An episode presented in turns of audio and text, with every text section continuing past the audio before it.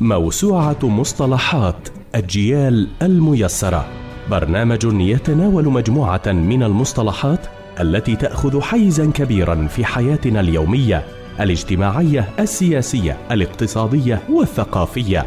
في كل حلقة نتناول مصطلحا لا بد وأنه مر على مسامعنا. موسوعة مصطلحات أجيال الميسرة برنامج يأتيكم في مثل هذا الموعد يوميا عدا الجمعة. عبر أثير راديو أجيال من تقديم عبد الفتاح القلقيلي. مشروع بريجنيف. بعد نحو أسبوعين من جلاء منظمة التحرير الفلسطينية عن لبنان وإعلان الرئيس الأمريكي ريغان لمشروعه وبعد نحو أسبوع من مؤتمر القمة العربي الثاني عشر أي في يوم 15 9 1982 ألقى رئيس مجلس السوفيتي الأعلى آنذاك ليونيد بريجينيف خطابا بين فيه أن الاتحاد السوفيتي يرى أن السلام الراسخ العادل الشامل في الشرق الأوسط يقوم على مبادئ تنسجم بالقواعد العامة للقانون الدولي وقرارات الشرعية الدولية وخاصة قرارات الجمعية العمومية ومجلس الأمن.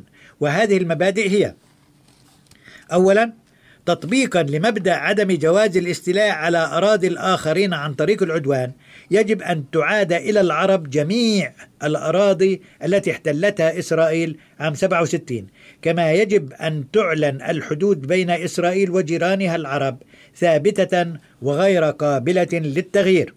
اثنين وجوب تأمين الحق الثابت للشعب العربي الفلسطيني في تقرير مصيره وإقامة دولته المستقلة في الأراضي الفلسطينية أي الضفة الغربية وقطاع غزة التي سيتم تحريرها من الاحتلال الإسرائيلي. كما يجب تمكين اللاجئين الفلسطينيين من العودة إلى ديارهم أو الحصول على تعويض مناسب لممتلكاتهم المتروكة وفقا لقرارات الأمم المتحدة. ثالثا إعادة الجزء الشرقي من القدس إلى العرب وهو الجزء الذي احتلته إسرائيل في حزيران 1967 والذي ينبغي أن يصبح جزءا لا يتجزأ من الدولة الفلسطينية كما يجب أن تؤمن حرية ممارسة الشعائر الدينية للأديان الثلاثة في القدس.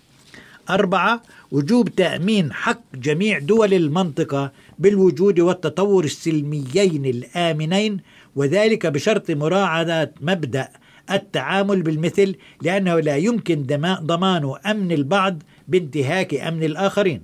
خمسة وجوب إنهاء حالة الحرب وإحلال السلام بين جميع الدول العربية وإسرائيل. وهذا يعني أن على جميع الأطراف ومنها الدولة الفلسطينية وإسرائيل أن تلتزم بالاحترام المتبادل لسيادة واستقلال ووحدة أراضي بعضها بعضا.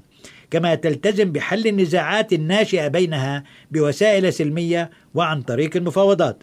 ستة وجوب إعداد وإقرار ضمانات دولية للتسوية. ويمكن أن يقوم بمهمة الضامنين الأعضاء الدائمون في مجلس الأمن أو المجلس كله.